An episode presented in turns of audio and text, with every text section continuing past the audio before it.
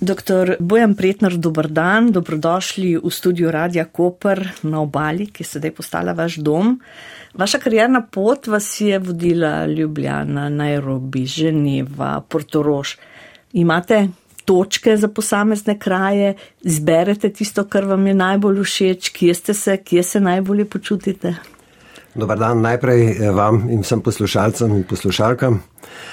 Uh, ja, zanimivo vprašanje. Pač življenjska pot, uh, človek si se prilagaja med svojo življenjsko kariero in potem je tako naneslo, da sem res uh, živel na različnih koncih sveta.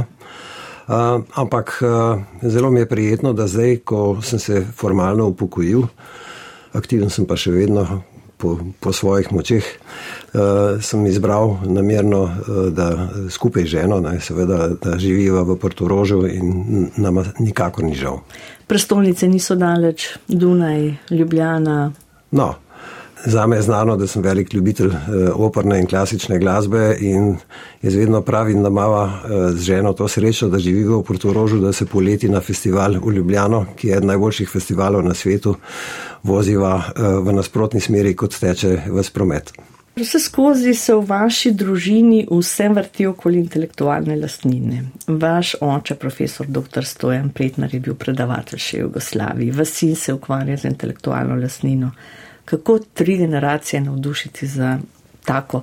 Lahko na začetku našega pogovora rečem dolgočasno temo, verjamem pa, da na koncu bodo tudi poslušalci potrdili, da je vse drugo kot pa dolgočasno.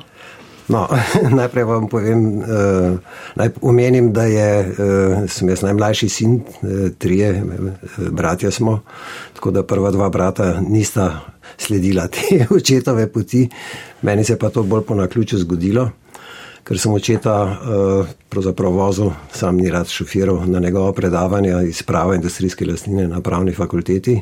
Jaz sem bil pa takrat vnet študent uh, strojne fakultete, tam sem tudi diplomiral. Eh, in celo prva zaposlitev je bila mm, na fakulteti kot asistent za termodinamiko. Ampak, ko sem očeta tja vozil, tisto dve uri, ko je imel predavanja, sem se pač odločil, da bom poslušal njega in to je bilo to. Eh, in eh, oče je bil ves nadušen in je rekel, veš kaj, če že to poslušaš, pa naredi še izpit pri mojemu kolegu.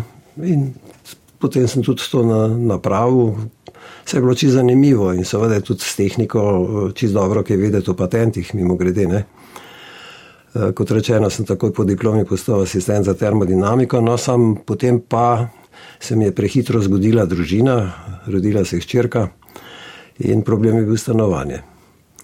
In na strani fakulteti sem imel eno skupino izrednih študentov iz Iskre, s katerimi sem se dodatno, poleg rednih obveznosti, vaj in podobnega, še dodatno ukvarjal. Termodinamika je zanimiv filozofski predmet, eh, matematično ni bolj zahtevna kot eh, vem, mehanika in podobno. Eh, in skratka, sem se bolj angažiral in jim pomagal razlagati vse, vse te zadeve. In ko so izpit upravili, sem jih hvaležno povabil na eno večerjo.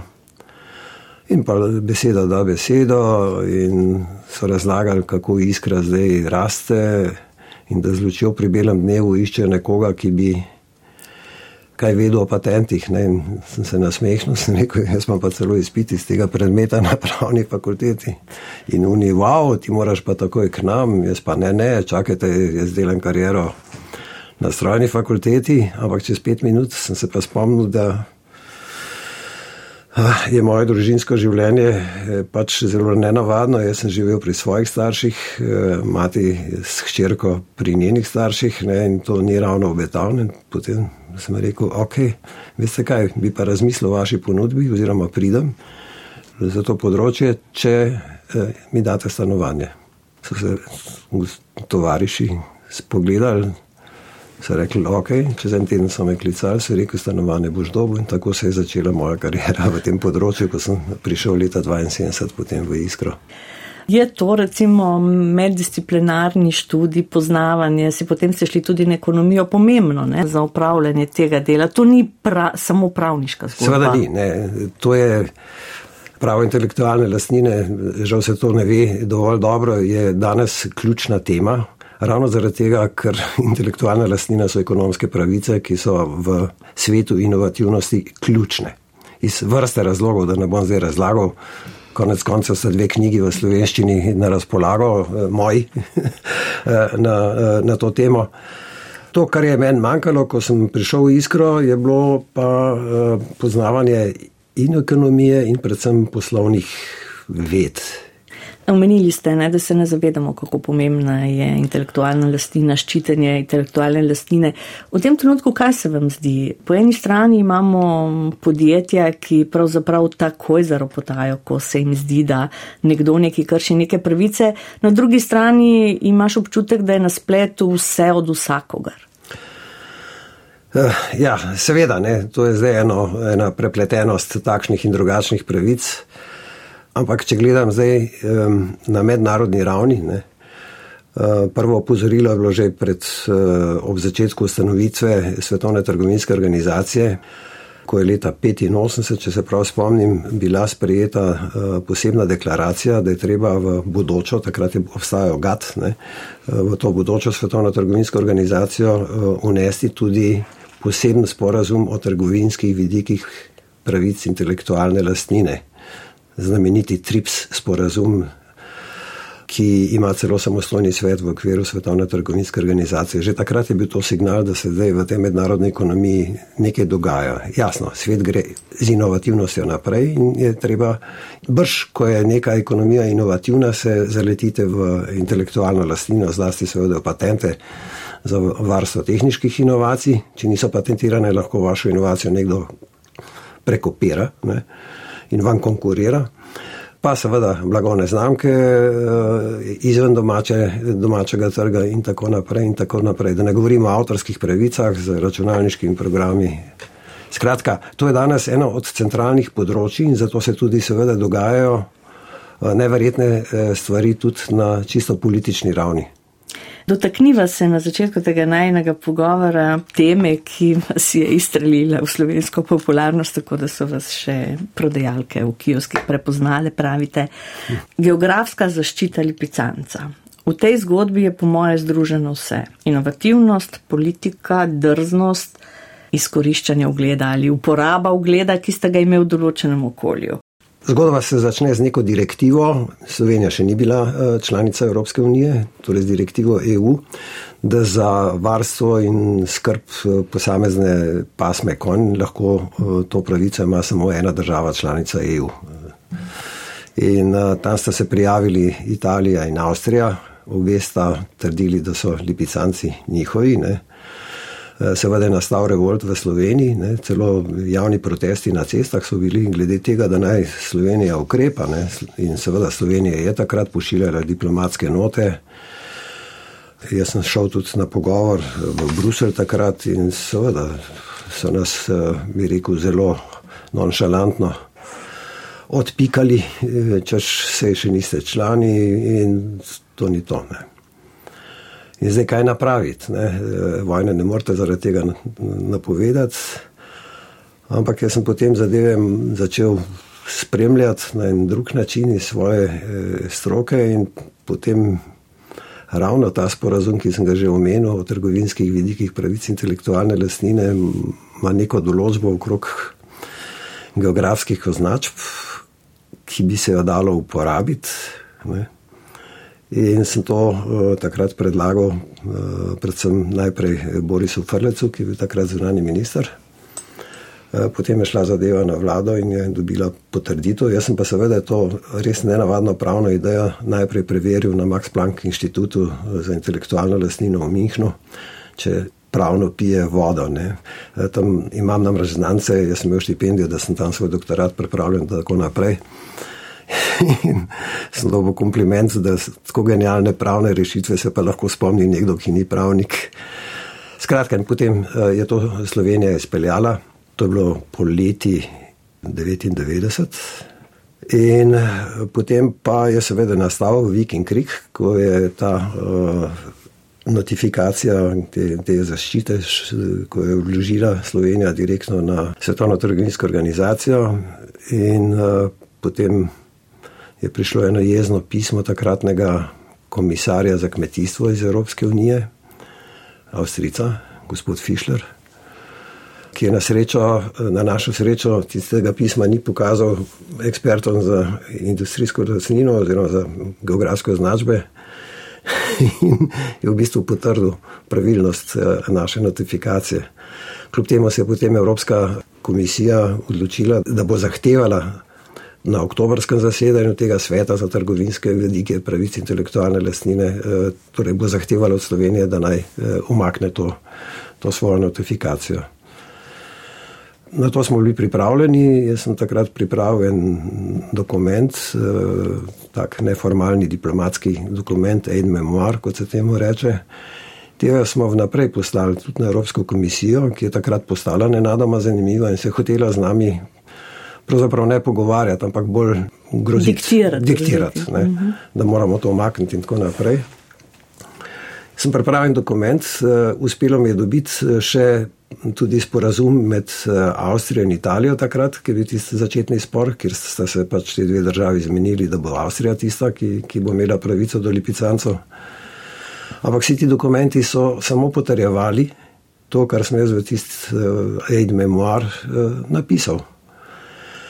In no, potem je prišlo do tega oktobrskega srečanja. Uh, jaz sem se hotel o tem pogovoriti uh, z, z predstavnikom uh, Evropske komisije. Že pred zasedanjem, uh, tri mesece sem ga klical, uh, sva se poznala, seveda. Uh, ni niti telefona dvignil, niti nič. No, in potem na samem zasedanju oktobra sem potem prvi dan, naša točka je bila drugi dan na dnevnem redu, sem šel do njega. Sem rekel, ja, dobro, lej, te iščem za jutri, kaj se bomo zmenili. Ne. Uh, ja, in je rekel nonšalantno, uh, se se nimamo kaj pogovarjati, jutri bomo zahtevali, da bo se to omaknili in se bo to zgodilo.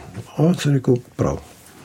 In se obrnem in, in grem, no, zdaj pa temu gospodu ni šlo račun, da sem jaz tako hladnokrvno stal. Pa pride za mano, pa pravi, kaj boš pa ti napravil. Sem rekel, a si videl ta dokument, ki je bil pripravljen? Ja. No, sem rekel, tega bom s prilogami vred eh, dal v odgovor, uradni ki gre seveda potem ta dokument vsem članicam uh, Svetovne trgovinske organizacije. Ne. Tam je pa prebledel, prijel me za, za rame in je rekel: Don't do that. No, jaz sem odgovoril uh, z, z nečim, kar ne bi tukaj ponavljal, ker skrajno neprimerno besedo sem uporabil. Ampak kakorkoli že, potem je pa rotil ne, ne, ne, prav, da se zmeniti, da ne bomo zahtevali umika, ampak samo nadaljne razgovore. Sem rekel, ja, dobro, se to smo mesec in mesec poskušali, pa niste bili pripravljeni, ampak bom razmislil. No in tako je, da skrajšam zgodbo, da ta geografska označba ostala veljavna. Po čistem naključju sem iz Ženeve takrat letel naravnost na Dunaj, kjer je bil že leta poprej eh, na, napovedan en velik dogodek ob stotju obletnici avstrijskega patentnega urada. In seveda se je vsa ta svetovna elita iz Ženeve odletela na Dunaj, kakorkoli vzdušje je bilo, pa le nekoliko, kaj ne rečem, vsaj na avstrijski strani, precej mučno, glede na to, da, da so lipicanci ostali v slovenskih rokah in da tisti manevr za razveljavitev te notifikacije ni uspel. No, jaz sem ostal še en dan in sem šel potem naslednji dan do mojega kolega, predsednika Avstrijskega patentnega urada, ki je sam predlagal, da se srečava in tam je povedal, je rekel, da je pa tako. Situacija je, kakršna je, zdaj se moramo pogovarjati s Slovenijo in uh, to bomo pač napravili pod enim pogojem, da tebe ni zraven. In to, da te ni zraven, pomeni, da naj te ne bo v Sloveniji.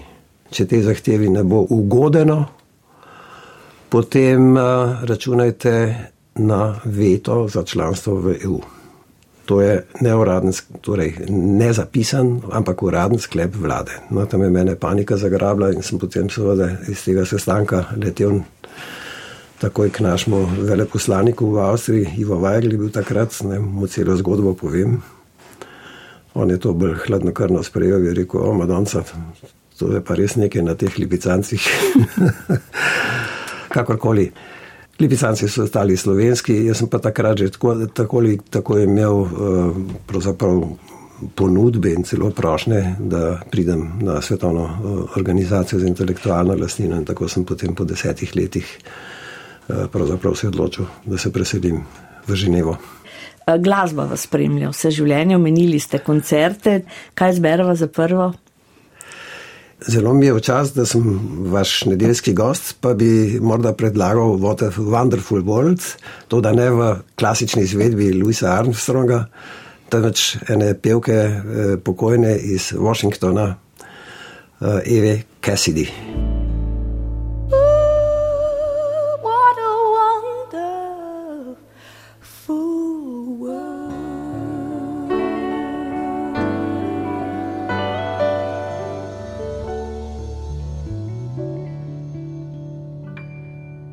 Doktor Bojan Pretner, oblikovali ste prvi urad Slovenije za zaščito intelektualne lastnine.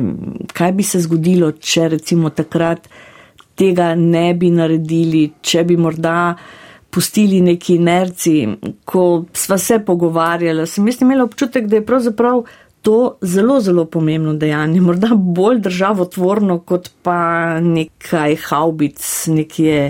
Torej, ali je ta pozornost in lastnini tem intelektualnemu dobremu, ki smo ga imeli takrat, bila dovolj močna?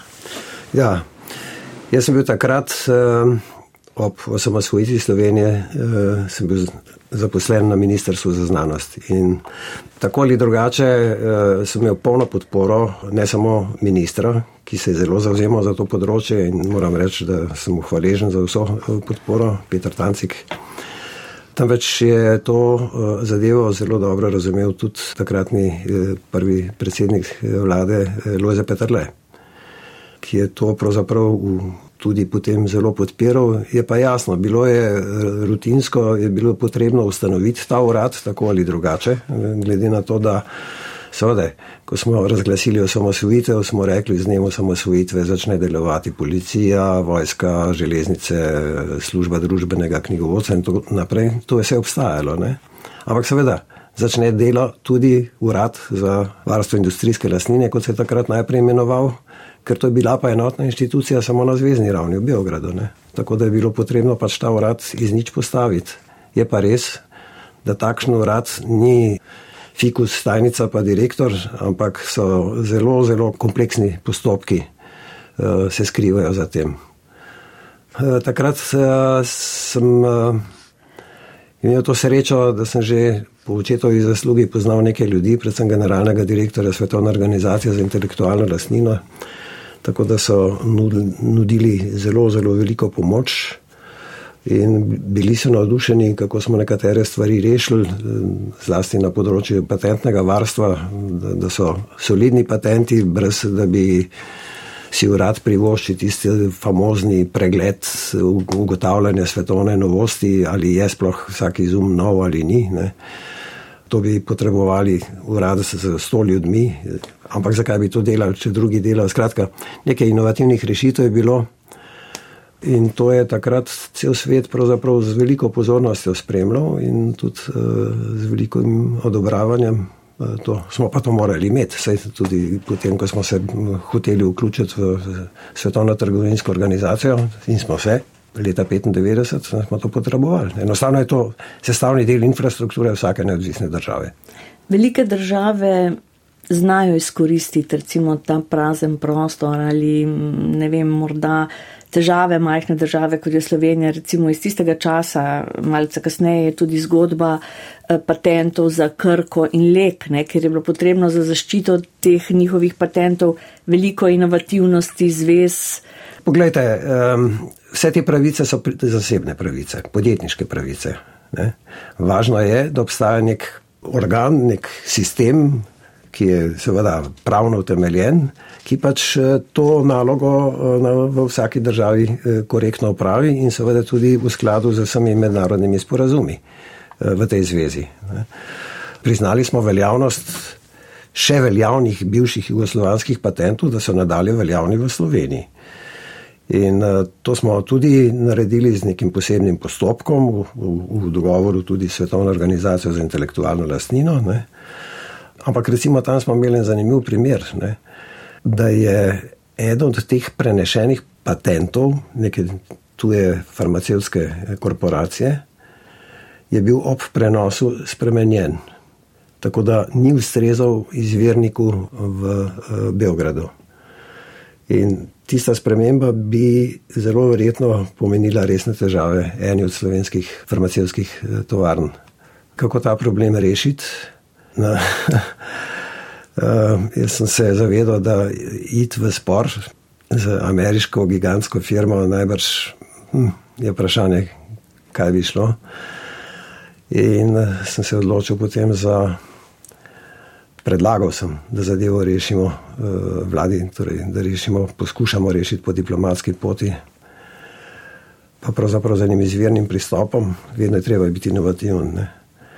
Jaz sem rekel, mi lahko zmagamo, če pokažemo, da je Eh, naša interpretacija mednarodne zakonodaje pravilna, če to lahko pokažemo eh, tudi na, eh, tako, da dobimo mnenje kakšne ugledne ameriške odvetniške družbe, ki bo ugotovila, da je naša interpretacija skladna z ameriškim pravom, ne samo z mednarodnim tem sporazumom pri Svetovni trgovinski organizaciji. Ideja je bila presenetljiva. Ampak, eh, ko sem to idejo predstavil eh, obema farmacevskima tovarnama, vodstvoma, so rekli, da ja, absolutno, to so tudi pokrili stroške tega odvetniškega mnenja in za čuda se je res izkazalo, da je bila moja intuicija prava. In potem smo se diplomatsko zmenili, da ni bilo več težav. Zakaj nismo uspeli s teranom? Ali je to nepomembno? Oh, eh, teran je pa druga zgodba. Zdaj, tu se odpira vrsta vprašanj. Jaz mislim, da je tukaj bilo storjeno vse, kar je mogoče. Jaz sem po svojih močeh tudi pomagal. Zadeva je bila v rokah državnega odvetništva, kjer so so argumentacijo korektno utemeljevali na klasičnih osnovnih dokumentih eh, Evropske unije in tako naprej. Ne. Ampak eh, o tem eh, je potem splošno sodišče presodilo, da zadeva ni dovolj resna. Jaz sem razmišljal, sem tudi predlagal, da bi šli na svetovno trgovinsko organizacijo, ker bi se spor drugače eh, odvijal, ampak ni bilo volje, pripravljenosti. Bilo pa tudi nekaj drugih narodnosti. Ne? Ravno takrat, ko je splošno sodišče o tem odločalo, nismo imeli svojega sodnika na, na splošnem sodišču. Ne? Skratka, vrsta okoliščin. Ampak enkrat dobimo, enkrat izgubimo, v tem poslu je tako. Ja. Glasba, drugo, ki ste jo izbrali. Bližajo se vroči dnevi, pa bi predlagal eno popevko Toma Jonesa, ki ga vsi poznamo eh, po Green Green Grass of Home, ampak eh, ta popevka se pa imenuje Cool Water, hladna voda. Dan, can't you see that big green tree where the water's running free and it's waiting there for me and you? water cool, clear water. Doktor Bojan Prijetnar, blagovne storitvene znamke. To je zgodba, o katerih se veliko govori, veliko piše. Pomen blagovne znamke v avtomobilski industriji, ne? primer, ki se je zgodil z Rolls Roycem. Ha. Ja, tukaj gre pravzaprav za, en, za eno posebnost. In zdaj bom ponovno ponovil, zakaj je potrebno poznati eh, pravo intelektualne lastnine, zlasti mednarodno pravo do zadnje podrobnosti. Namreč ta sporazum o trgovinskih vidikih pravic intelektualne lastnine je uvedel načelo ločenosti teh pravic od podjetja. To so seveda podjetniške pravice in ve se, kdo je imetnik, niso pa prilepljene na podjetje kot take, kar je prej veljalo v evropski doktrini. Če ste pred Svetovno trgovinsko organizacijo želeli odstopiti znamko nekomu drugemu, je to eh, šlo samo tako, da je tisti moral kupiti celo podjetje. Znamka je bila neločljivo ločena od eh, podjetja. Novi sporozum je to razdvojil. In zdaj zgodba Rolls-Royce ko se je imetnik, britanski imetnik eh, Rolls-Royce odločil, da to podjetje proda, to je eno veliko podjetje, ki sicer dela letalske motorje. In sta se izkočila, torej v tekmo sta se spustila in Volkswagen in BMW. Ne. Tako daleč je šlo, da je takratni kancler nemški začel svariti, da se ta konflikt eh, umiri med dvema nemškima konkurentoma in potem je prišlo do nekega dogovora, da naj Volkswagen eh, kupi tovarno. In v Volkswagenu so spregledali, da s tem niso kupili blagovne znamke Rolls-Royce, ki je potem odkupil BMW. In zato v tovarni, legendarni tovarni Rolls-Royce, Volkswagen dela avtomobile Bentley, Rolls-Royce pa BMW v svoji tovarni Rolls-Royce v Veliki Britaniji. Še en recimo trenutek, ko ste tudi potem, ko ste že bili, mislim, da v Ženevi, v Sloveniji malce razburkali vode, je bil vaš odnos do tobačne industrije. Prevladal je vtis, da ščitite tobačno industrijo. ja, uh, vem, sem bil obtožen, čeprav je namen eh, moje uh, tiste ideje, da sem kritiziral to enotno embalažo, predvsem drugačen. Treba je vedeti, da je tobak en najbolj ponarejenih izdelkov. In za ponaredke, torej takrat, ko sem jaz to pisal, se spomnim podatka iz Velike Britanije, da je vsaka tretja do peta cigareta ponaredek.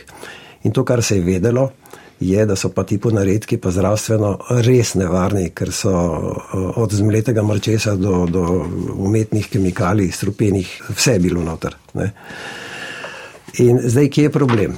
Enotna embalaža ukinja, torej prepoveduje porabo znamke. Ne. Samo ponarejanje kot nedovoljen akt pomeni kršitev blagovne znamke. Za ukinitev blagovne znamke v bistvu legalizirate in na posreden način sicer ponarejanje. In zato sem jaz na to upozoril, da ta enotna embalaža, tako kot je, ni pametna. Jaz sem celo potem na koncu predlagal eno drugo rešitev, da eh, enotne embalaže. Samo tisti, ki so me kritizirali, seveda te e, moje analize, ki sem jih čisto samo inicijativno v dobro zdravje delal, niso brali do konca, ker je eksplicitno ta predlog napisan na podlagi tega, kar so avstralski strokovnjaki, torej profesori za eh, nek profesor za uh, intelektualno lastnino, znan. V Avstraliji sam napisal in sem se na njega skliceval, zato da sem utemeljil moj predlog. Sam tega pa nihče ni prebral. In potem sem bil pač napaden, da s tem, da sem proti enotni embalaži, to avtomatsko pomeni, da sem zagovornik tobačne industrije. Ste kupili kdaj ponaredek, imate do tega kakšen poseben odnos? Ha, torej, s polno vednostjo, da kupujem ponaredek. Uh, ja, drži, kupil sem ponaredek ene ročne ure. Enkrat na eni mednarodni konferenci, ki je potekala na Tajskem. In uh, pri tem nakupu je sodeloval takratni šef tajskega patentnega urada, ki je bil predtem inšpektor za preganjanje ponarejevanih izdelkov. In medtem, ko sem jaz z njegovo pomočjo se pogajal uh, na tisti znani plaži za, za tistim prodajalcem. Je ta moj kolega rekel, ja, je to pa predrago, pa tako naprej. In pa se mi dva pogovarjava, in ko sem se jaz obrnil, sem imel že tisti uh, okrog nenadoma več nikogar ni bilo. Tisti prodajalci, ti ponarejene robe, okrog torgice, rute, karkoli, parfumi. Ne. Nenadoma nikogar več ni bilo. In ta moj kolega je rekel: opa, pravi bojen, veš kaj, mene so pa prepoznali, jaz sem bil prej. Inšpektor, ne. zdaj pa boš, da se odpeljemo domov. Ampak ste kupili uro? Ja, tisto uro sem pa kupil in imam doma. Ja. Si upate nositi v Švici? Ne, torej, imam jo, ene parkrat sem jo pokazal potem na mojih predavanjih, še ko sem še tukaj predaval. Drugač pa ne, ne, ne, seveda ne. Še za mojo originalno Rolex uro so preverjali, če je res izvirna. Tam greste v zapor na meji, ko zapuščate ali vstopate v Švico. Sponaritke. Sponaritke, ja. Doktor Bojan Pretner, še ene teme aktualne, ki ste jih zdaj zadnje čase posvetili tudi čas, ko ste na nek način upokojeni, kot ste rekli, ampak aktivni morda še bolj kot prej. Enotni patent. Ja. To, vi ste zelo, zelo ostro zapisali, da je to neustavna grožnja, strup za slovenska mala podjetja. Po drugi tem... strani bi človek rekel, ne, da končno imamo nekaj enotnega v Evropski uniji, da ni treba v vsaki državi Seveda. posebej Najprej, registrirati.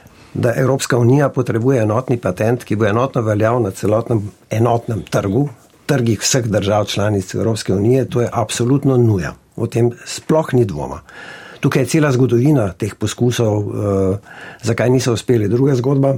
Ampak taki pa je, je pa tak čuden zmazek, to ni pravo EU. EU nima svojega patentnega urada. Uh, da ne govorim, uh, zadeva je precej kompleksna. Ampak moram reči to, da je to strup za male podjetja, citiram nemške ugledne strokovnjake za to področje, patentne zastopnike. Oni so ta izraz uporabljali. Max Planck inštitut je že leta 2013 eh, objavil en dokument, 12 uh, eh, razlogov za zaskrbljenost, 12 reasons for concern, kako zadeva ne, ne, ni v redu. Vsa evropska stroka se strinja, da je to neustavno, da je to ustavno več kot sporno. In predvsem, da je, da je nevarno za mala in srednja podjetja. Morda poenostavljeno to povedati, v čem je ta največji problem? Problem je v tem, da prvič je predrag. Tega sistema si ne morejo privoščiti mala in srednja podjetja, perverzno drag je. To pomeni, da bo šel na roke samo velikim multinacionalkam.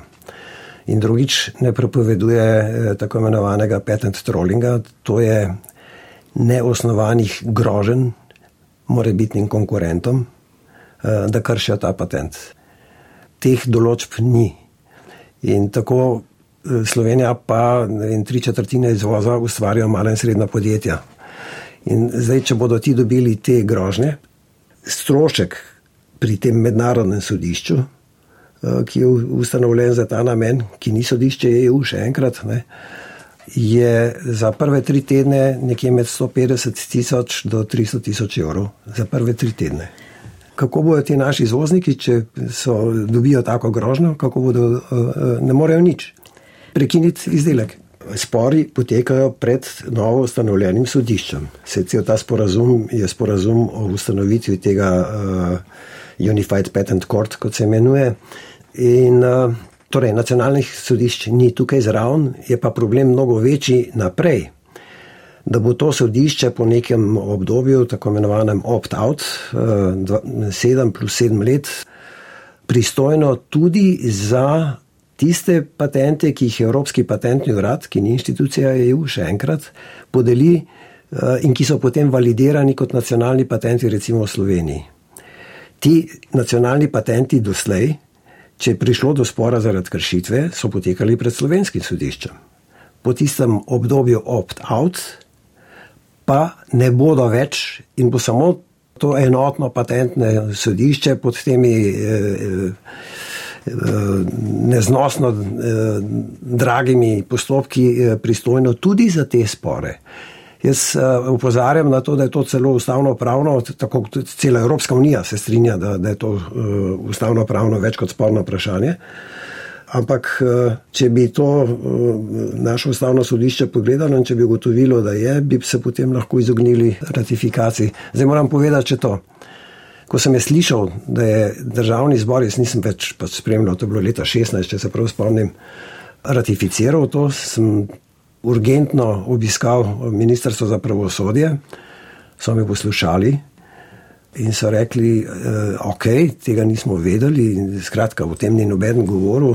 Na uradu takrat ni bilo ljudi, so poslušali tisto, kar več kot zavajajoče ponavlja Evropska komisija. Ne.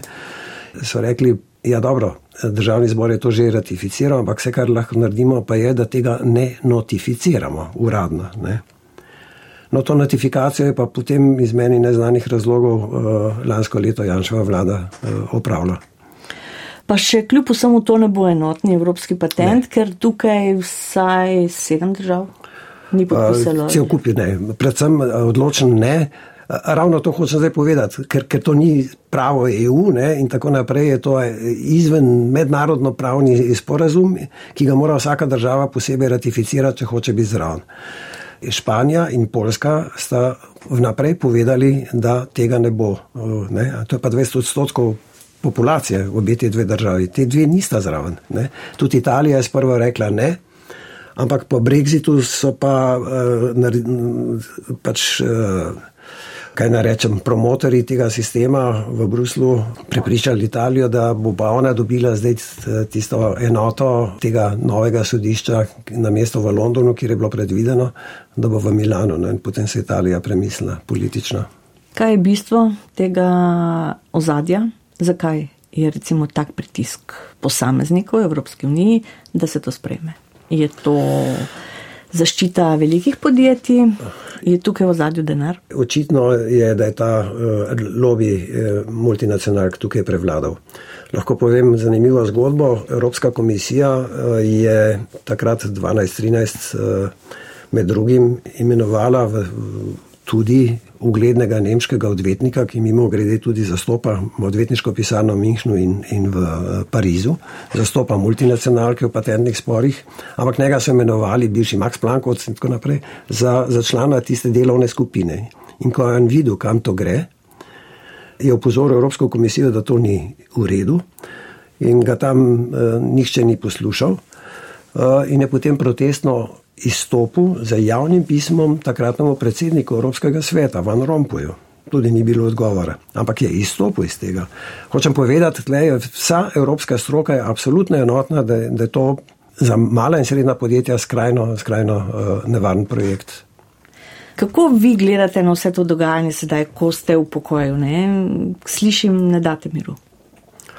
Ja, nekaj seveda še spremljam, uh, gledam dve leti nazaj, še moja zadnja knjiga je šla, ne, je namenjena slovenskim podjetnikom, menedžerjem, eh, manj pravnikom. Pravzaprav jaz vedno ponavljam, nisem pravnik, ne, čeprav to pravo znam, ampak imam pa seveda te izkušnje, kjer eh, uporaba teh pravic intelektualne lastnine, takšnih in drugačnih, je ključna za mala in srednja podjetja. In zdaj, kako jih uporabljati, kakšni so poslovni cilji, temu je ta knjiga namenjena. Tako da nekaj še migam. Ampak vedno manj. En vrstavek bom uporabila. Hotela sem se vprašati, ali slovenska podjetja recimo zaznajo potrebo po zaščiti svojih patentov, svoje znanja, pa vi ste nekje izjavili, da je z intelektualno lastnino tako kot z obozdravnikom. Vsi vemo, da bi morali, ampak lotimo se tega šele takrat, ko nas zelo boli. Torej, zdaj eh, po zadnjih statističnih podatkih eh, Slovenija eh, stagnira, če ne zaostaja. Vsaj kar se tiče po številu evropskih patentnih prijav. Predvsem pa skrbi to, da nimamo tega znanja in jaz se zdaj, ker sem tudi član sveta za razvoj, zunani član sveta za razvoj pri Slovenski akademiji znanosti in umetnosti in sem ravno v teh dneh sprožil pobudo za javni posvet o tem, da naj se za božjo voljo pravo intelektualne lastnine predvsem na pravnih fakultetah uvede kot obvezen predmet, kar je pravzaprav standard v celi Evropi. In uh, morda kakšen tak predmet uh, management inovacij, če hočete, kjer je tudi pomembnost patentnega varstva zraven, uh, da se pa tudi na uh, tehničkih, pa naravoslovnih fakultetah uči. Enostavno nam tega znanja manjka. Morda za omembo enajsta izdaja legendarnega učbenika samo patentnega prava v Nemčiji.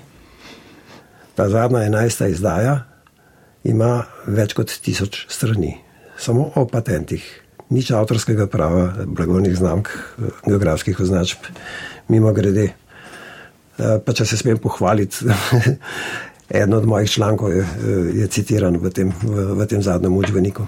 Eh, še vedno držim stike, jaz sem član uh, alumni združenja uh, Max Planck inštituta, tako da se vsako leto udeležujem letnega srečanja, kjer srečam se te.